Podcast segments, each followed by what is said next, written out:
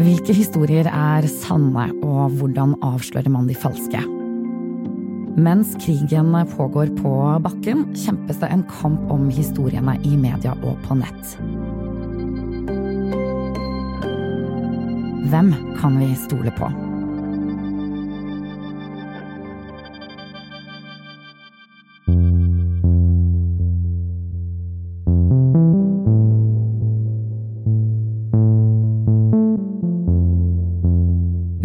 Googler propaganda, så får du opp bilder av gamle plakater fra Sovjet, Kina, USA og Tyskland.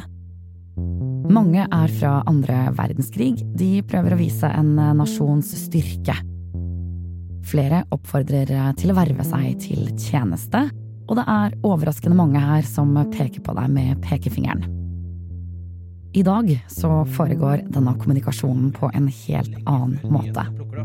Snapchat, Instagram, Twitter og ikke minst TikTok florerer av liveoppdateringer fra Ukraina.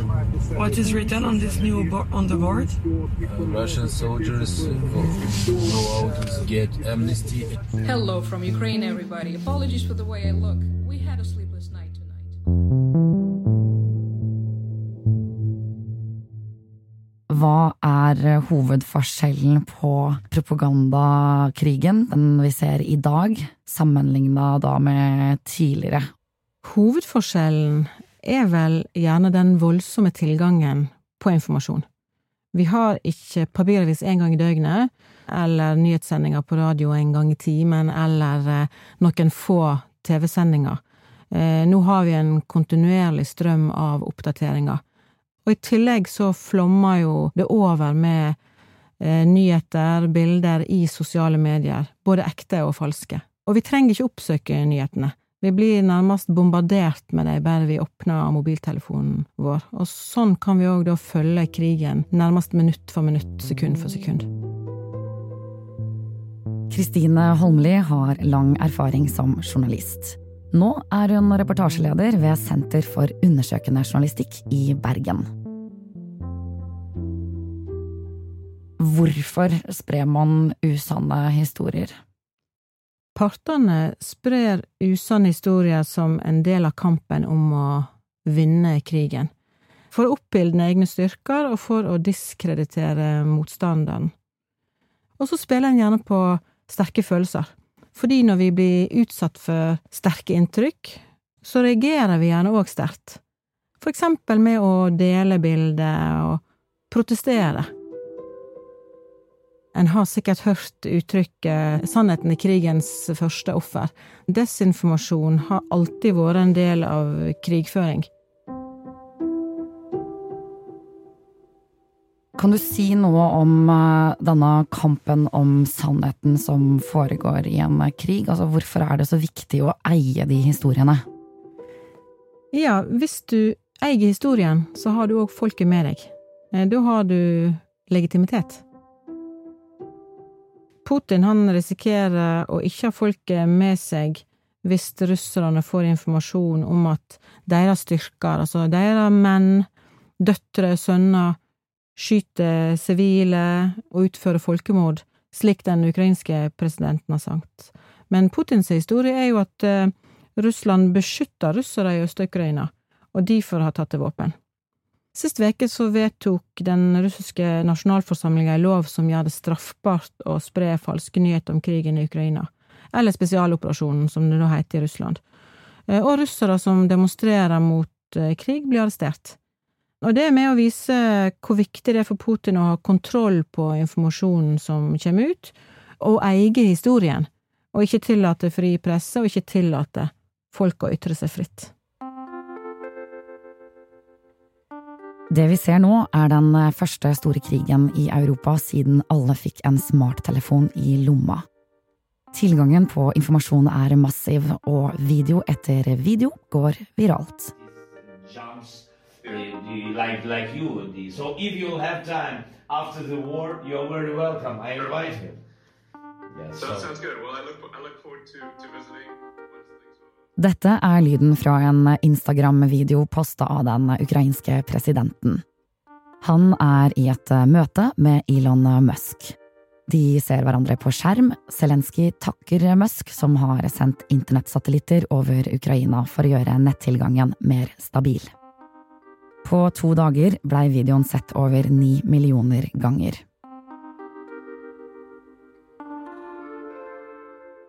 Mange følger med på denne krigen gjennom sosiale medier. Det dukker jo stadig opp nye oppdateringer på TikTok, Instagram og Twitter, og det skjer raskere der enn det media får plukka opp. Kan vi vite hva som er sant og ekte?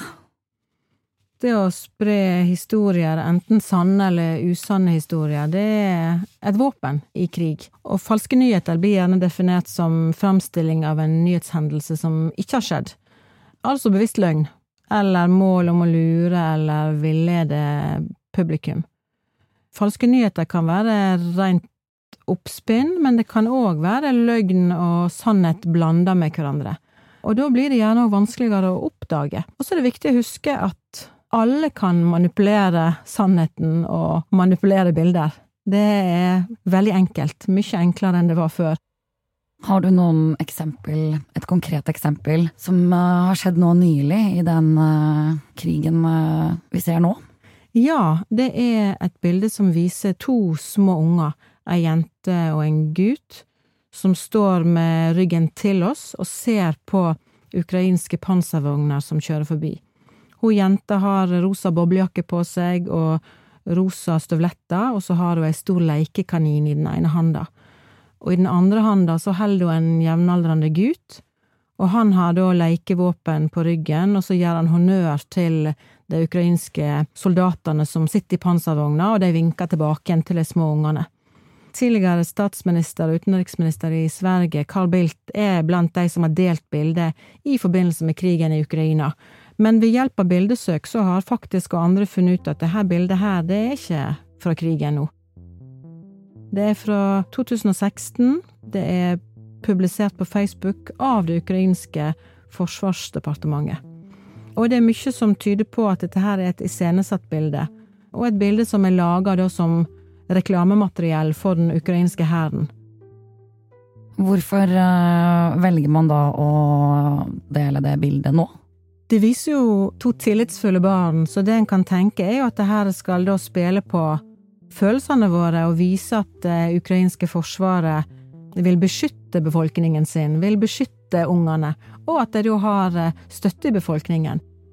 Så det er viktig å huske at bilder har en kontekst, og vi ser ikke alt. Vi ser et utsnitt av virkeligheten. Her er det flere parter med ulike agendaer. Går det an å oppsummere hvilke agendaer de har? Eh, altså, Putin legitimerer jo det russiske styrker gjør ved å hevde at eh, russisktalerne i Øst-Ukraina er utsatt for drap og overgrep, og at de da utfører det han kaller militæroperasjon, eller spesialoperasjon, for å beskytte dem. Og han sier jo da at de kun er ute etter militære mål, mens Ukraina sin president forteller da om bombing av sykehus og drap på sivile på flukt under våpenhvile. Så det her er to ulike historier om det samme som skjer, og de forteller da for å legitimere og forsvare det en gjør.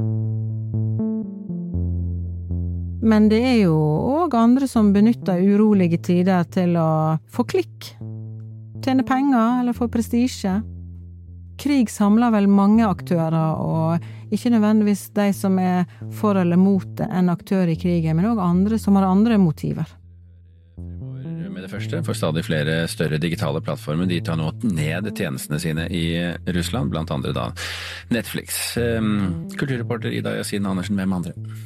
TikTok begrenser òg eh, tjenestene sine i Russland. De stenger nærmere Google, YouTube, Facebook, Instagram og Twitter er andre som også har innført restriksjoner mot Russland. Russisk statlige media får f.eks. ikke lov til å annonsere hos noen av dem. Og Russland svarer. Nå strammer russiske myndigheter ytterligere inn. Ja, eh, man forbyr rett og slett eh, eh, Eller begrenser tilgangen til BBCs russiske sendinger. De er jo veldig viktige for mange i Russland, har jo vært helt tilbake til den kalde krigen. I tillegg til det amerikanske støttede 4. mars kunne vi lese at Russland også har blokkert Facebook og begrensa tilgangen til Twitter. Og mens Russland gjør det, går den ukrainske presidenten Zelenskyj viralt. Han legger stadig ut videoer av seg selv og oppfordrer til å like og dele videre Общественные деятели, журналисты, музыканты, актеры, спортсмены, ученые, доктора, блогеры, стендаперы, тиктокеры и многие другие. Обычные люди. Обычные, простые люди. Мужчины, женщины. Fungerer det, tror russerne på det Putin sier i Russland, og ukrainerne på det Zelenskyj sier i Ukraina? Det er et godt spørsmål, for vi, vi veit jo veldig, veldig, lite om det. Men vi veit jo det de sjøl ønsker å få fram. Men i Russland så blir jo uavhengige medier sett på som fiende av staten. Så den informasjonen som kommer ut til innbyggerne, er jo veldig strengt eh, statlig styrt. Og mange nyhetsmedier internasjonalt har jo trukket seg ut. Jeg så at eh, russiske myndigheter nå forteller om meningsmålinger som sier at eh, 70% av russerne mener at eh, spesialoperasjonen i Ukraina har vært eh, vellykka. Samtidig så forteller jo menneskerettighetsorganisasjoner om mange titalls tusen russere som har protestert i gatene den siste veka, og som da risikerer ganske hardhendt behandling fordi at de protesterer. Mens i Ukraina er jo president Vlodomyr Zelenskyj en veldig populær president. Og han har jo en annen stil enn Putin, der han viser seg i uniform blant soldatene, han viser at han står bak dem, han har sagt at han og familien nekter å forlate landet, og før krigen var han en veldig populær president, og det er han eh, enda. Ok, men sånn eh, avslutningsvis, da. Hvem kan vi stole på, og eventuelt absolutt ikke?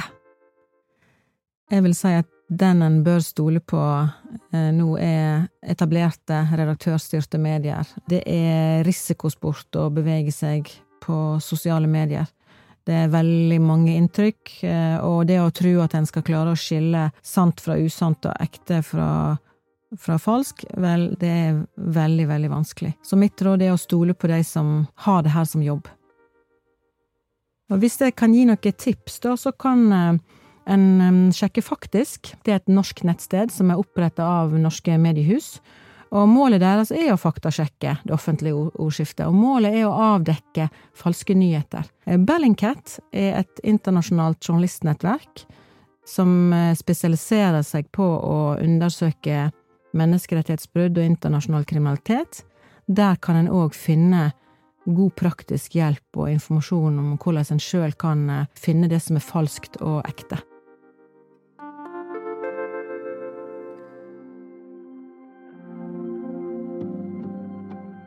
Hva skjedde? er en podkast fra Bergens Tidende. Fortell gjerne om oss til en venn hvis du likte det du hørte.